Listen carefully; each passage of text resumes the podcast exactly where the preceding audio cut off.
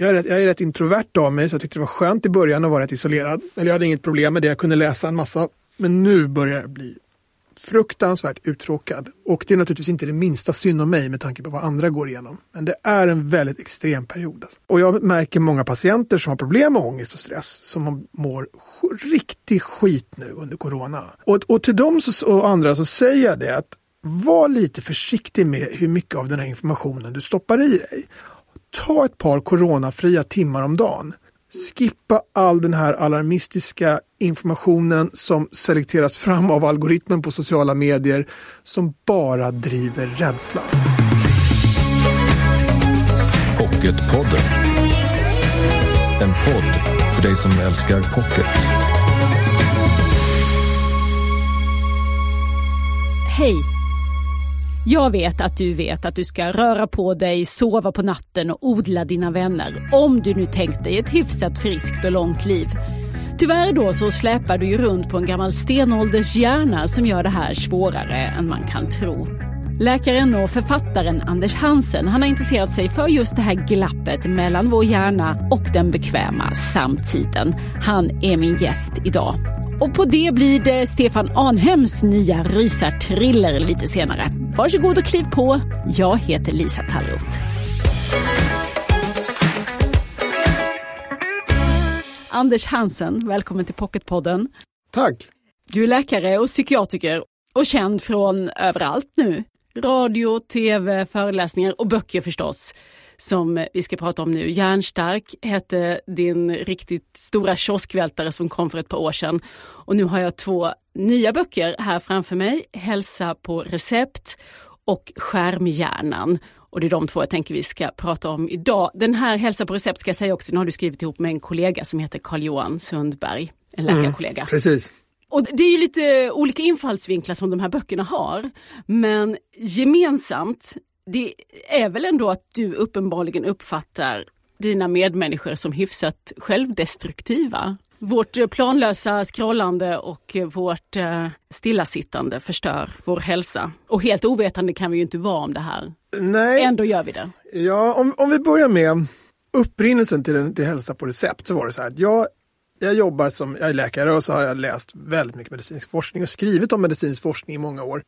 Och så, så, såg jag de här stora välgjorda undersökningarna som visar hur vansinnigt viktigt det var att vara fysiskt aktiv. Det skyddade för en massa sjukdomar och det var substantiella skydd. Det, var liksom, det handlade om förväntad livslängd blev förlängdes med flera år men det var, var skydd mot tjocktarmscancer, bröstcancer, eh, hjärt-kärlsjukdom, diabetes. Det var liksom det ena efter andra och det visade sig också att det var ett skydd mot depressioner, ångest. Och så, så satt jag och tänkte sådär att varför tror vi att det här handlar om idrott? Varför har motion och fysisk aktivitet blivit associerat med sport och prestation? Och då så till slut så sa vi, vi skriver en bok själva om det här.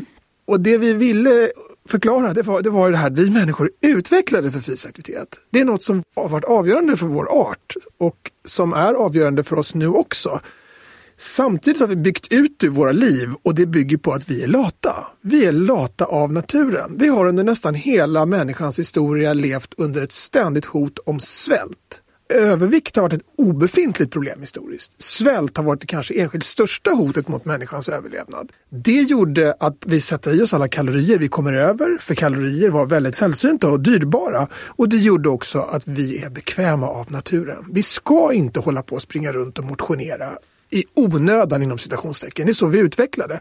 Konceptet motion måste tätt sig fullständigt bisarrt för människan historiskt. Så att det är inte konstigt att vi är lata av naturen, men vi behöver ändå vår fysiska aktivitet för att kunna funka. Och historiskt så har vi då, tror man, gått någonstans mellan 15 och 18 000 steg per dag i snitt. Idag är vi nere på någonstans mellan 5 och 6 000 steg. Du har en ganska enkel tumregel som du kallar för den gyllene halvtimmen. Ja, jag har, Carl-Johan har den och den är liksom Går man en snabb, snabb promenad en halvtimme om dagen så får man fullständigt ofattbara eh, hälsofördelar, minskar risken för en massa sjukdomar. Och det är väl en bra tumregel. Men, men framförallt så vill jag säga varje steg räknas. Gör någonting, rör på det på något sätt. Glöm kopplingen till prestation, idrott, megahälsoindustri. Inse att det här är något som vi människor är utvecklade för. Ja, men som du själv påpekar så är det ju ingen nyhetsflash att motion är viktigt för vårt välmående. Däremot så skriver du att du tror inte vi har förstått vidden. Så det är väl ändå någon kunskapslucka här som du tycker att vi har. Och eh, skulle du kunna ge exempel på det? Vad är det vi inte har fattat? Ja, om man tar under läkarutbildningen så spenderade vi två veckor med att läsa om mitokondrien och det är cellernas kraftstationer. Vi spenderade nästan två månader, skulle jag uppskatta i alla fall, till att läsa om hjärtinfarkter på olika sätt. Hur mycket tid la vi till att lägga på fysisk aktivitet? Två timmar på fem och ett halvt år. Under min ST-utbildning till specialistläkare och psykiatriker så hade vi mängder av kurser om psykoterapi, om läkemedelsbehandling vid depressioner och så vidare. Hur mycket lades på fysisk aktivitets effekt på depressioner och ångest? Inte en sekund. Trots att det har visat sig att fysisk aktivitet har effekter mot depressioner som är jämförbara med antidepressiv medicinering vid mild och medelsvår depression. Det där tycker jag är intressant, det där med, för du lyfter upp det i boken också, en miljon svenskar äter antidepressiva. Mm, det är mer, över en miljon. Ja. ja. det var någon år, ja, det, det ökar hela tiden, ja, så ja. nu är det mer än en miljon. Men det, det är en komplicerad fråga då är man tillbaka till det här, mår vi verkligen sämre än vi gjorde tidigare? Ja. Det är det som är så intressant. Varför äter så många mer antidepressiva idag jämfört med 90-talet? Mår vi sämre? Det är inte alls säkert. Det är svårt att svara på det. Det är jättesvårt att mäta sånt över tid. Det har att göra med hur man ställer frågor och det har också att göra med hur folk värderar ord. Vad är att må dåligt? Mm. Det jag har liksom landat i efter att ha vridit och vänt på det här, det är att i Sverige så har vi ändå fått ett har BNP ökat med 100 procent sedan 90-talet. Så vi har fått det dubbelt så bra. Ekonomiskt. En, ekonomiskt. Ändå verkar vi inte må bättre. För det kan man säga, vi mår i alla fall inte markant bättre. Varför tänker du att vi skulle göra det? Jo, jag tänker att därför att den mest hårdhudade kapitalisten som får frågan varför ska vi ha ekonomisk utveckling? Han eller hon skulle ju säga förmodligen då, ja därför att vi ska få det bättre. Och mm. så att vi mår bättre. Och det gör vi inte. Och då blir ju liksom frågan, vad är det vi gör fel? Ja, för det är det du tänker att vi gör något fel. Jag menar man skulle ju också kunna säga att människan, det visar du ju också i boken, vi är inte sådär designade för att vara så himla nöjda och lyckliga. Egentligen. Verkligen, absolut. Att må dåligt är liksom en del av dealen. Det är en jätteviktig poäng som jag också tog upp i, i skärmhjärnan. Att vi är inte utvecklade för att vara lyckliga. Evolutionen satte inget slutmål på lycka eller satte inget egenvärde i det. Det enda den selekterade oss på det var överlevnad och reproduktion. Så är det. Våra förfäder är de som överlevde alla katastrofer, alla infektioner, alla episoder av hungersnöd, svält och så vidare. De blev dina och mina förfäder och de, de levde i en livsfarlig värld och det går inte att svara på exakt hur den såg ut men man vet att ungefär hälften dog innan de fyllde 10. Man vet att medellivslängden var någonstans kring 30 år. I den världen där man dog av svält och infektioner, där var det nog väldigt viktigt att vara försiktig, att dra sig undan ibland, att se faror till höger och vänster, måla fan på väggen. Och i och med att de här personlighetsdragen då delvis är genetiska så för vi in dem i vår värld där det inte finns några faror. Då är det inte så konstigt att vi går runt och har ångest hela tiden. Men det här betyder samtidigt inte att vi liksom bara dömda till att må skit allihopa. Att man bara kan säga folk har mått skit i alla tider, köp läget. Så skulle man ju kunna resonera och så säga du får väl hantera man vill ju ändå försöka hjälpa de som mår dåligt. Och då ser man då i de här eh, i mängder av undersökningar att fysisk aktivitet gör att man faktiskt förebygger risken för depressioner till exempel. Att allt från kontinuerlig stress till panikattacker, allt det blir faktiskt bättre om man rör på sig. Bättre, ja. men kanske inte nödvändigtvis bra. Så, precis, men kanske inte nödvändigtvis perfekt för att summera allt det ändå landa i någonting att vi mår sämre än vi borde göra. Vi bortser från de här grundläggande behoven som evolutionen sprängde in i oss. Fysisk aktivitet, sömn och framförallt andra människor. Att träffas på riktigt. Det tror jag bidrar till att vi mår sämre än vi borde göra. Mm. Träffas på riktigt och apropå just det, nu under coronaepidemin så har ju det blivit så mycket svårare. Finns det någon avgörande skillnad skulle du säga mellan att vara digitalt social och att vara på samma plats? Ja, det är en jättebra fråga och det, man ska, det jag tror man kan ha som utgångspunkt är att vi är ett flockdjur. Vi har överlevt tillsammans och vi, våra sociala drifter är anpassade för att ses fysiskt. Var, hur, hur, kan man säga något sånt? Jo, till exempel så finns det receptorer i huden. Och de receptorerna reagerar bara på lätt beröring. De reagerar inte på hårt tryck, de reagerar inte på smärta, de reagerar inte på värme eller kyla, utan bara lätt beröring. Och då är frågan, varför har liksom moder natur stoppat in sådana i, våra, i våran hud? Och man, då kan man titta på djurriket och så ser man att apor använder sig av de här receptorerna. De sitter och kliar varandra i pälsen. Och Det kallar man för grooming, det beteendet. Och Det har visat sig att det frisätter endorfiner. Och endorfiner skapar en känsla av välbehag men också närhet mellan två individer, i det här fallet apor. Det här då är förmodligen ett sätt för apor att hålla ihop stammen, att sitta och klia sig i varandra. Så man tänkt, men vad, vad gör vi människor som gör att vi frisätter endorfiner? Ja, då har det gjorts experiment där man låter folk gå på bio eller teater tillsammans och så ser man att det frisätter faktiskt endorfiner. Och det gör det mer om man gör det med andra. Vi tar ju inte nödvändigtvis på varandra. Nej, jag precis. sitter inte och kliar mina kompisar när jag Ex- träffar dem. Nej, precis. Och då, och då är det så att man har låtit folk gå in på biografen eller, eller teaterföreställningen och så ser de ett skådespel och sen så, så mäter man endorfinfrisättning eller man mäter smärttolerans egentligen efter det för med mått på endorfinfrisättning. Och så frågar man också dem vad de upplever om de andra som såg på teatern och då beskriver folk som har gått sett till exempel en komedi att de upplever en närhet till dem de var där med. Frö till en känsla av grupptillhörighet har såtts. Och, och poängen med det här är att de här upplevelsen får man inte riktigt om man inte gör det med andra fysiskt. Så att det är ett flockdjur, vi har starka sociala behov och en, en del av de behoven är nog rent fysiska. Vi behöver ses, vi behöver liksom känna och ta på varandra nästan. När vi ersätter det med att inte göra det så tror jag att vi riskerar att känna oss ensamma. Och ensamhet är ju liksom trist idag kan man ju tycka, men ensamhet historiskt har varit undergång. Det är så enkelt det är och det är därför som upplevelsen av ensamhet är en signal till kroppen att ta hand om ditt sociala behov på samma sätt som att hunger är en känsla av att ta hand om ditt näringsbehov.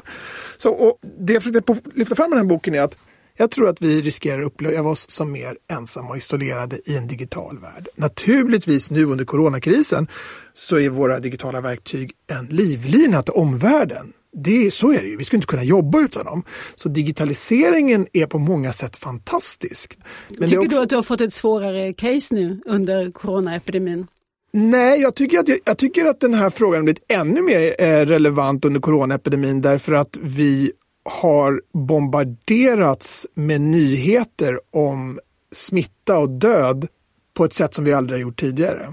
Mycket av det här handlar också om hur snillrika våra appar och telefoner är på att dra vår uppmärksamhet ifrån oss. Hur bolag tjänar pengar på det så att vi har svårt att lägga ifrån våra telefoner. Det är, det är väldigt mycket ansträngning att göra dem på det sättet så att vi inte ska vilja, så att vi inte ska göra något annat än att plocka upp dem. Och jag tror att, och, och återigen, Digitaliseringen hjälper oss på en massa sätt. Jag vill inte backa i utvecklingen. Och all skärmtid är naturligtvis inte li- man kan inte säga skärmtid generellt. Det är ett otroligt komplext sätt. Man måste ju liksom dela upp olika typer av skärmtid. Men det jag vill ha sagt är att det finns en baksida med sättet vi använder digitala verktyg idag. Och den baksidan handlar inte om hur många minuter vi lägger på, på telefonen utan den handlar om hur mycket vi inte gör de här grundläggande grejerna för oss människor. Att vi rör på oss allt mindre, att vi faktiskt ses allt mindre och att vi sover allt mindre och att fler har problem med sömnen. Och, Det finns ju ett kapitel i boken Skärmjärna som heter Mobilen, vår nya drog. ja, Och du talar i termer av beroende. ja. Om man tittar på hjärnan då, på vilket sätt skulle man kunna jämföra mobilen med andra droger som vi, eh, som vi är överens om är beroendeframkallande som alkohol eller nikotin eller eh, heroin? Ja, alltså det som händer vid varje, vi plockar upp telefonen och tittar varje gång det är att det frisätts lite dopamin som ett ämne som talar om vad vi ska rikta vår uppmärksamhet på. Och vuxna spenderar mellan tre och fyra timmar per dag på sina telefoner och ungdomar mellan fyra och fem timmar. Och då är det allt man gör. Och det är allt med, ja. Och för att något ska kallas för ett beroende så ska man ju då upprepade gånger göra någonting som man vet är, är destruktivt för en eller som har negativa konsekvenser. Att man ska ha svårt att kontrollera det. Och väldigt många upplever att de önskar att de la mindre tid på sina digitala verktyg. Och om man då tycker att det är destruktivt för en att inte ses eller motionera eller göra något annat, då kan man kalla det för ett beroende. Och jag har också en diskussion i boken, kan man verkligen säga beroende? Och det Eh, Jag tycker man kan det, men det betyder ju inte att man kan jämföra mobiler med heroin som någon skrev någonstans. Sådana våldsamma överdrifter gör ju att man liksom då, då bagatelliserar man den, eller då, då faller ju hela jämförelsen platt. Liksom.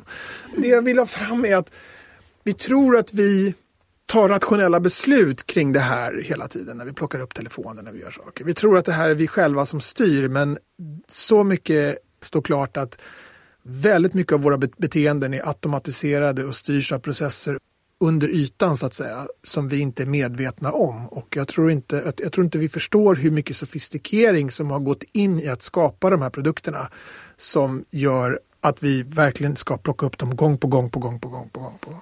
De hackar sig rakt in i ett antal grundläggande mekanismer ja, skriver du. Ja, de gör det och, och, och jag tror vi måste, vi, vi, måste inse det som också Joval Harari skriver att vi är människor är biologiska varelser som går att hacka.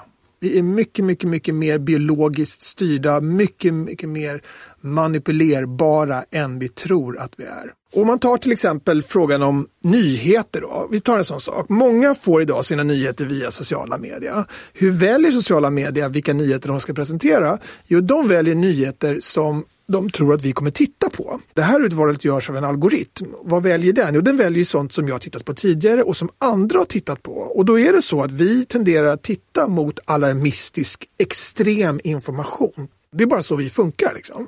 Och när man låter de här algoritmerna då styra människors mediekonsumtion så tror jag att vi exponeras för mer, för mer extrem information och det är som jag skrev någonstans tror jag att det är som att vi har börjat läsa tidningar som bara innehåller de mest extrema nyheterna. Och det tror jag faktiskt har bidragit till en viss polarisering. Och mm. det har också bidragit till någon slags ja, alarmism överhuvudtaget skulle jag vilja säga. Ja, att, att det är vi... samhällseffekten. Det är samhällseffekten, eh, tänker, precis. För du, är ju, ja, du rörde lite mellan den men framförallt ja, kanske ja, du fokuserar på effekten för individen och hälsan. Eh, och eh, jag tycker ändå det där självdestruktiva är intressant för som du var inne på människor säger att de tillbringar mer tid än de skulle vilja med sociala medier, med mobiltelefonen. Alltså, det har gjorts undersökningar kring, mår vi verkligen dåligt av att använda mobilen så mycket? Och det är inte alls säkert. Det är, det är ett jättekomplicerat område. Det finns en del som tyder på att det inte har särskilt stor effekt på oss alls. Det, jag skulle vilja vända på det när vi lägger så mycket, tre, fyra, fem timmar. Bland tonåringar så är det en stor grupp som faktiskt lägger mer än sex timmar per dag. När vi gör det, då hinner vi inte göra de här sakerna vi behöver för att må bra. Så digitaliseringens påverkan på oss är inte vad vi gör när vi sitter framför telefonen. Det är vad vi inte gör. Det är att vi inte sover på samma sätt. Det är att vi inte ses och det är att vi inte rör på oss. Jag tror att, ja. att dess stora påverkan på vårt känsloliv inte handlar om vad vi gör där utan det är vad vi vad som crowdas ut när vi lägger så mycket tid på det. Sen var du i och för sig lite inne på att det som finns där också är skräp för oss. Ja, att det precis. gör att vi hamnar i bubblor och att vi blir eh, alarmistiska. Och ja, och det, är ju, det är ju precis som du påpekar, det är en samhällseffekt. Man måste ju se det här på många ja. olika plan. Men det som är intressant är ju att det här är den snabbaste beteendeomläggningen som vi har gjort i vår arts historia. Vi har aldrig förändrat våra beteenden så mycket på bara 10-12 år som vi har gjort de senaste 10-12 åren. Och då blir ju frågan, vad gör det med oss? Och den frågan har vi inget tydligt svar på, för det har gått så fort. Så att mycket av den här boken, då, Skärmhjärnan, var ett sätt att försöka ställa de här frågorna och få folk att reflektera över den här förändringen som, som vi måste liksom förhålla oss till. Hur urlakas eller urholkas mina grundläggande behov. Hur mycket mindre rör jag på mig egentligen? Hur mycket mindre sover jag? Hur mycket mindre träffas jag? Liksom? Mm. Jag ville verkligen att man skulle förstå det, att vår moderna värld är en blinkning i vår evolutionära historia. Vi utvecklade för en annan tid. Vi har samma gamla jägar-samlarhjärna som vi alltid har haft. Vårt kalorisug ligger väldigt djupt. Vår instinktiva rädsla för en massa saker, mer eller mindre orealistiska, ligger väldigt djupt i oss. Om vi bara förstår det så tror jag att vi blir bättre förhålla oss till de här sakerna. Mm. Och då kommer ju nästa fråga, hur ska vi nu gå vidare med det här? Hur ska vi förhålla oss till en kultur, till företag, till ett samhälle som har riggat så många faror för oss, eller vi har gjort det för oss själva. Ehm, är du ute efter någon slags gräsrotsrevolution nu? Om vi börjar med frågan om, om digitaliseringen av Silicon Valley så är det ju så att om Facebook hade haft som slutmål att vi ska göra en produkt som gör att människor mår så bra som möjligt. Vi ska föra ihop dem. Det är fantastiskt. Vi ska föra ihop dem på ett digitalt sätt som, som eh, underlättar en massa sociala kontakter. Grymt, det hade varit perfekt. Och så hade man haft som slutmål att vi ska få dem att ses i riktiga livet, vi ska få dem att motionera, vi ska få dem att sova ordentligt. Vi ska på olika sätt försöka tilta dem åt sådana beteenden så gott vi kan. Det hade varit en möjlighet. Istället så hade de som slutmål, hur tar vi så mycket tid från människor som möjligt så att vi kan sälja så mycket annonser som möjligt. Det är det som har varit slutmålet. Och det är det som jag vänder mig lite grann mot att vi ska inte förhålla oss till teknik teknik ska förhålla sig till oss. Om vi begär produkter som funkar mer i linje med hur vi fungerar, då kommer vi få det. Men för att vi ska begära det så måste vi ändå känna till baksidan. Digitaliseringen kan å ena sidan vara fullständigt fantastisk, inte nu framför med corona, men den kan också ha biverkningar. Och för att hantera de biverkningarna så måste vi få igång en diskussion kring dem så att vi får produkter som ligger bättre i linje med det. Och jag tycker det är intressant att till exempel Instagram har testat med att dölja likes, så att man kan bara se egna likes. Man kan inte se hur många andra har fått för att minska social stress för ungdomar till exempel. Och jag tycker också att det är intressant att en person som Tim Cook då, som är vd för Apple, han leder det bolag som tjänar mest pengar på skärmar i världen och han sa i april i fjol att om du tittar mer på en skärm än du tittar i andras ögon så gör du något fel. Mannen som leder det bolag som tjänar mest pengar på skärmar försöker få människor att använda sin produkt mindre. Det tycker jag är intressant. Så att jag vill absolut inte backa i någon utveckling eller något sånt. Jag vill bara att vi ska ha en, en nyanserad diskussion kring baksidorna med den här tekniken utifrån ett biologiskt humant perspektiv så att vi får bättre produkter. Tror du att, att sociala medier till exempel kommer vandra samma väg som cigaretter? En gång var det coolt och obegränsat, numera är det idiotiskt och eh, väldigt begränsat. Ja, alltså jag, jag, tror att man kommer se tillbaka på den här debatten som att naturligtvis är skärmtid i sig alldeles för brett begrepp. Är digitaliseringen bra eller dålig? Så kan man ju inte säga. Det kan väl naturligtvis vara både och. Men jag tror vi kommer se tillbaka på att vi kanske var lite naiva kring det, att vi lät barn sitta fyra, fem, sex timmar. Så att de rörde på sig allt mindre, så att de sov allt mindre, så att de exponerades från en massa skit på nätet som de kanske inte behövde och så vidare. Vi kanske kommer tycka tillbaka att det var lite naivt om fem, tio år. Det kan jag tänka mig. Mm. Och jag tror att vi kan nog säga lite sådär mellan tummen och pekfingret att skärmtiden totalt har gått upp under den här pandemin. Eh, har ni gjort det för dig? Oh ja, Absolut, den sköt i taket verkligen. Alltså jag fick någon sån här rapport i telefonen att det gått upp med 120 procent eller något. Det tyckte jag också var synd att se att fan lägger jag så mycket tid på det här i flera timmar om dagen. Så jag försöker tänka lite grann på det. Eh, men jag halkar dit som alla andra. Du, du har inga tips då för självreglering? Du har ju några i boken, men jag ja, tänkte, men det... har du liksom hittat några som funkar för dig? De tipsen som funkar för mig är att inte ha telefonen överallt ha, jag har den inte i sovrummet eh, för att jag vet att jag sover lite sämre. Så att jag har en väckarklocka och jag har den inte bredvid mig när jag sitter och läser. Då har jag den faktiskt i ett annat rum. Och jag har den också i ett annat rum när jag jobbar. Därför att jag vet att den knaprar på ens eh, uppmärksamhet. Eller den suger ens uppmärksamhet och den, den, den, tar lite av ens mentala bandbredd. Och måste jag koncentrera mig så vill jag vara helt i det jag gör och då försöker jag lägga bort den faktiskt. Mm. Det var lite skönt att höra att du också kämpar. Ja, absolut. Jag kämpar lika mycket som alla andra. Och det är det som är så intressant att man kan, man kan prata om det här hur mycket som helst. Och sen ser man det här utspelas i sig själv och då är man ju naturligtvis som alla andra. Jag är lika lat som alla andra. Jag hittar också på ursäkter för att gå och träna och jag kan liksom stå och kackla mycket som helst om de här sakerna och sen har jag en förmåga att liksom bortse från det när det gäller mig själv. Nej men jag behöver inte motionera och så går det tre veckor så jag, jag har ju skrivit flera böcker om det här. Precis, det ja, men exakt. vi, mig. Vi, man, är, man är inte mer än människa så det, det, och, och, och det är så det som är så fascinerande att se det här utspelas i en själv och inse att jag är också så här. Liksom. Jag har alla de här sakerna. Men samtidigt så vet jag ju att jag tänker inte låta mina gener bestämma det här. Jag tänker inte låta, jag skiter i det, jag går ut och springer ändå. Förstår du vad jag menar? Det är ju trots allt vi som bestämmer i slutändan. Men för att vi ska kunna göra det så behöver vi förstå våra grundförutsättningar. Och där skulle jag vilja, om jag får vara lite pretentiös, och citera Anton Tjechov som är rysk läkare och författare och dramatiker att människan kommer bli bättre när man visar henne vem hon är. Inre strider har vi alla.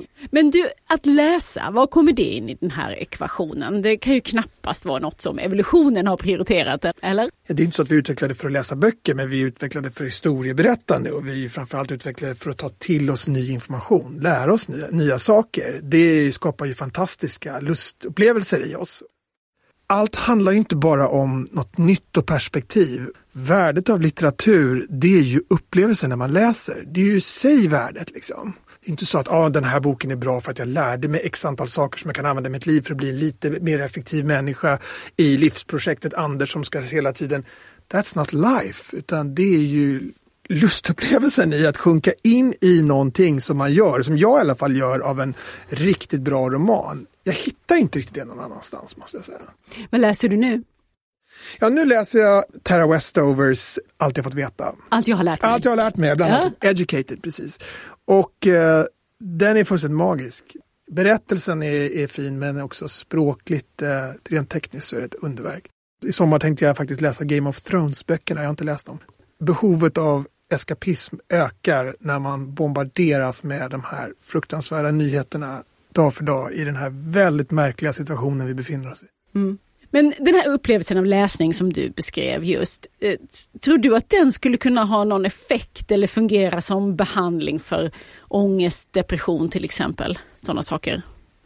Det är en bra poäng. Det kanske det kan. Jag vet inte riktigt om det är vetenskapligt testat som en metod. Men det som jag vill ha också sagt med den här boken då och det andra att fysisk aktivitet är inte det enda som är viktigt för hjärnan. Absolut inte. Men det är viktigare än vi tror. Och det är något som inte kan ersättas av något annat.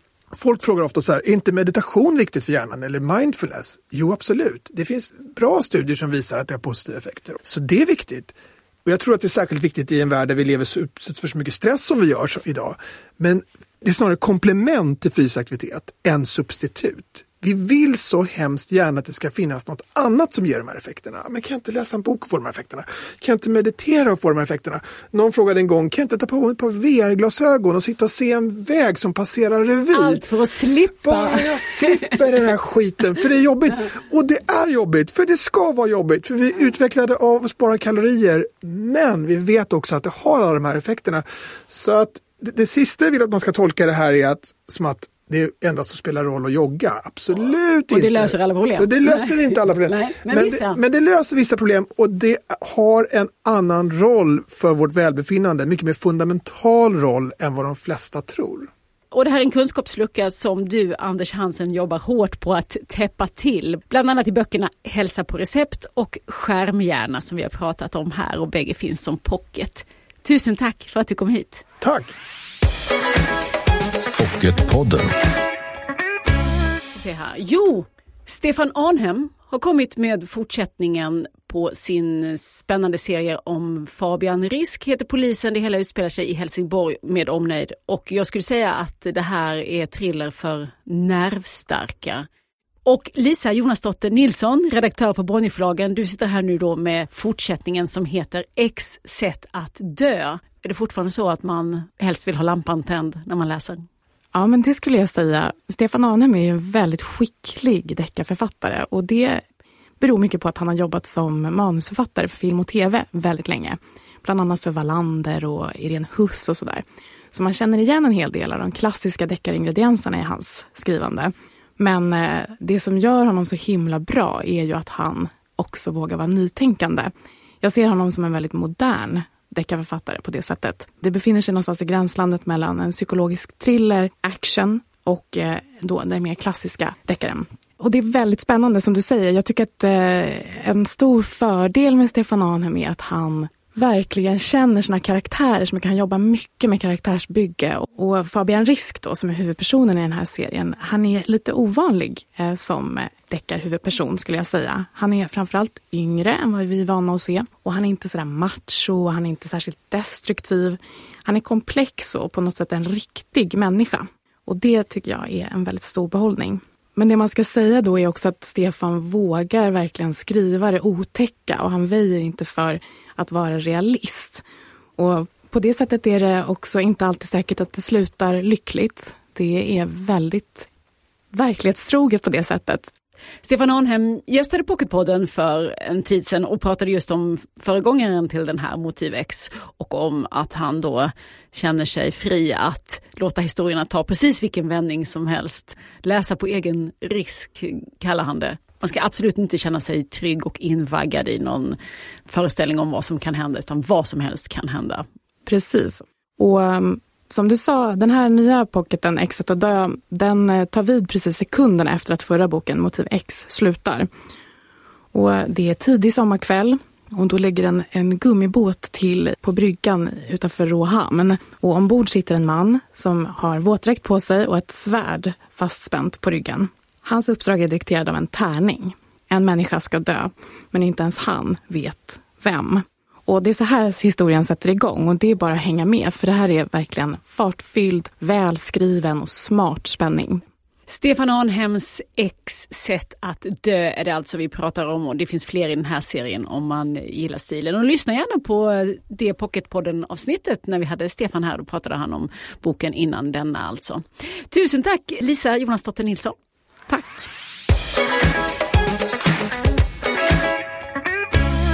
Dags att runda för idag. Nästa vecka kommer Flora Wiström hit och då ska vi prata om syskonförbund, makt och prestationskrav tänker jag. För det är ämnen hon utforskar i sin roman Hålla andan. Tills dess, följ oss i sociala medier. Där heter vi Älska Pocket och jag heter Lisa Tallot. Hej då! Du har lyssnat på Pocketpodden. En podd från Bonnierförlagen.